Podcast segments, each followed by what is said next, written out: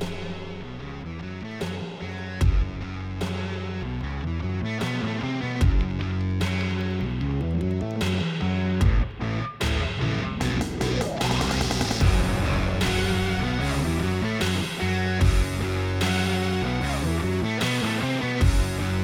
Benvinguts al sisè programa del podcast del CIA. Cada 15 dies ens trobem en aquest espai per parlar sobre el sector i sobretot per parlar amb persones que en saben molt d'automoció.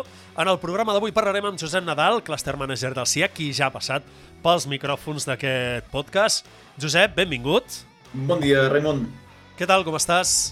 Bé, molt bé, molt bé, amb forces novetats en el sector. La veritat és que el sector d'automoció mai ens avorrim, però en particular ara amb tot el tema d'ajudes i de més, la veritat és que no, és, és un no parar en el dia a dia. Doncs mira, precisament, comencem pel tema de les ajudes, si et sembla bé, eh, perquè tenim en marxa ja el programa de suport a les agrupacions empresarials innovadores, les conegudes com a AI. La primera pregunta que et llenço és senzilla. Què són les AI? Bueno, les AIs és un instrument que té el Ministeri val, per donar eh, ajudes, estem parlant de subvenció especialment a entitats, com pot ser un clúster, però tot tipus d'associacions, n'hi ha més de 90 en el territori espanyol, però són ajudes que van molt focalitzades a poder ajudar a les pimes, sobretot. Sense desvetllar noms, eh? perquè evidentment entenem que hi ha confidencialitat pel mig, però quin perfil de projectes o propostes s'han presentat a les AIs? Sí, mira, les AI són unes ajudes que busquen projectes, eh, posem així, de tamany mitjà, és a dir, tenen una dotació total de 8 milions d'euros al, al programa, que es llença cada any, és anual aquest programa, i es busquen projectes que vagin doncs, entorn a aquests eh, 100, 150, 200, màxim 300.000 euros, per projecte aproximadament. Busquen que tingui sobretot una o dues empreses eh, tractores, empreses potents, un tier 1, un OEM de a ser possible, i després, sobretot, sobretot, es marca molt dintre de la convocatòria, de les bases de la convocatòria, la participació de les pimes i centres tecnològics en aquest tipus d'ajudes. Per tant, són ajudes que realment el que busquen és recolzar a les pimes. En el cas del CIEC, nosaltres hem presentat 11 projectes en totals, agrupats en, en eh, quatre grups de, de treball, i hem de, treballat temes des de temes de, doncs, més de, doncs de, de calibres, hem de tractat temes més enfocats a la persona pensant en els exosquelets, temes d'indústria 4.0, sobretot temes de, de robòtica.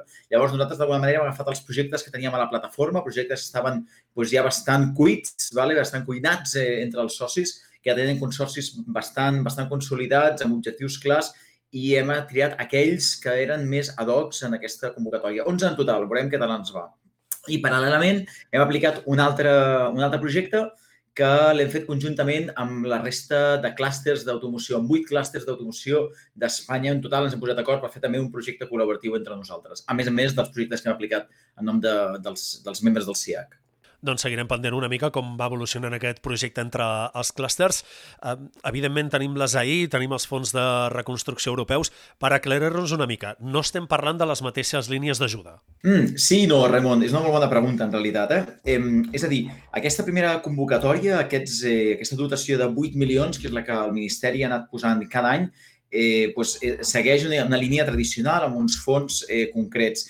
Sí que és veritat que ara, gràcies en aquests, eh, en, en els fons de recuperació, en els Next Generation, en els propers tres anys, en lloc de disposar de 24 milions, que seria el que podríem disposar amb, amb, amb un trieni normal i corrent, en disposem de 140 milions. Per tant, realment, les ajudes a ells també es veuen beneficiades pels fons de Next Generation. Ja havíem parlat al seu moment de que aquests fons el govern espanyol eh, aprofitaria per un costat les línies que ja tenien, com podien ser eh, els CIEN, els CEDETIS, també les AEIs, i llançarien noves línies com poden ser els PERTES, els IDIs, etc. Per tant, les AEIs sí que són una, una eina que fa molts anys que està en marxa, però també es beneficia dels Next Generation. Perfecte, doncs ja sabem una mica que hi ha vinculació entre tots dos.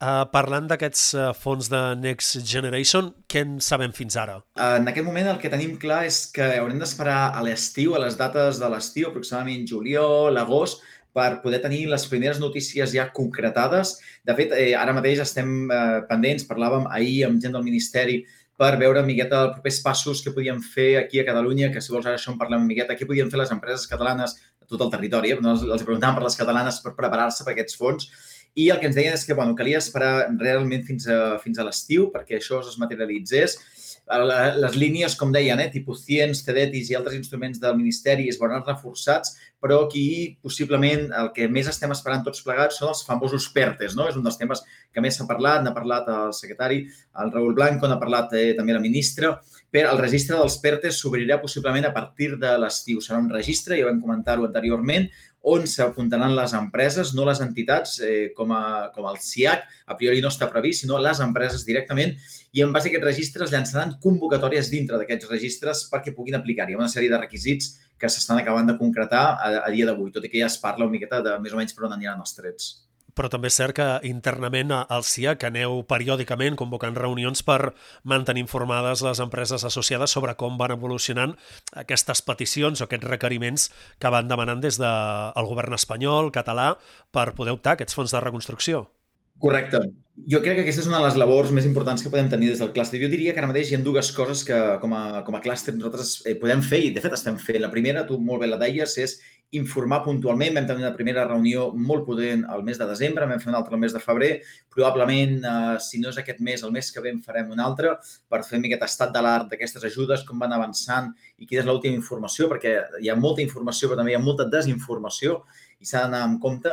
I segon, tot i que nosaltres com a SIAC sembla, eh, tot apunta que no podrem aplicar-hi en, aquesta, en aquest registre, en aquestes ajudes directament, sí que és molt important que els socis puguin utilitzar l'entorn col·laboratiu que té el CIAC, aquesta plataforma de gestió de projectes, per llançar els projectes, muntar consorcis i que tot i que després el CIAC com a dalt no hi participi, és molt important que s'aprofitin d'aquest espai col·laboratiu per confeccionar els consorcis que aplicaran a les ajudes, finalment doncs estarem pendents de com van evolucionant requisits i, evidentment, a través del podcast i altres canals eh, del CIEX s'anirà informant.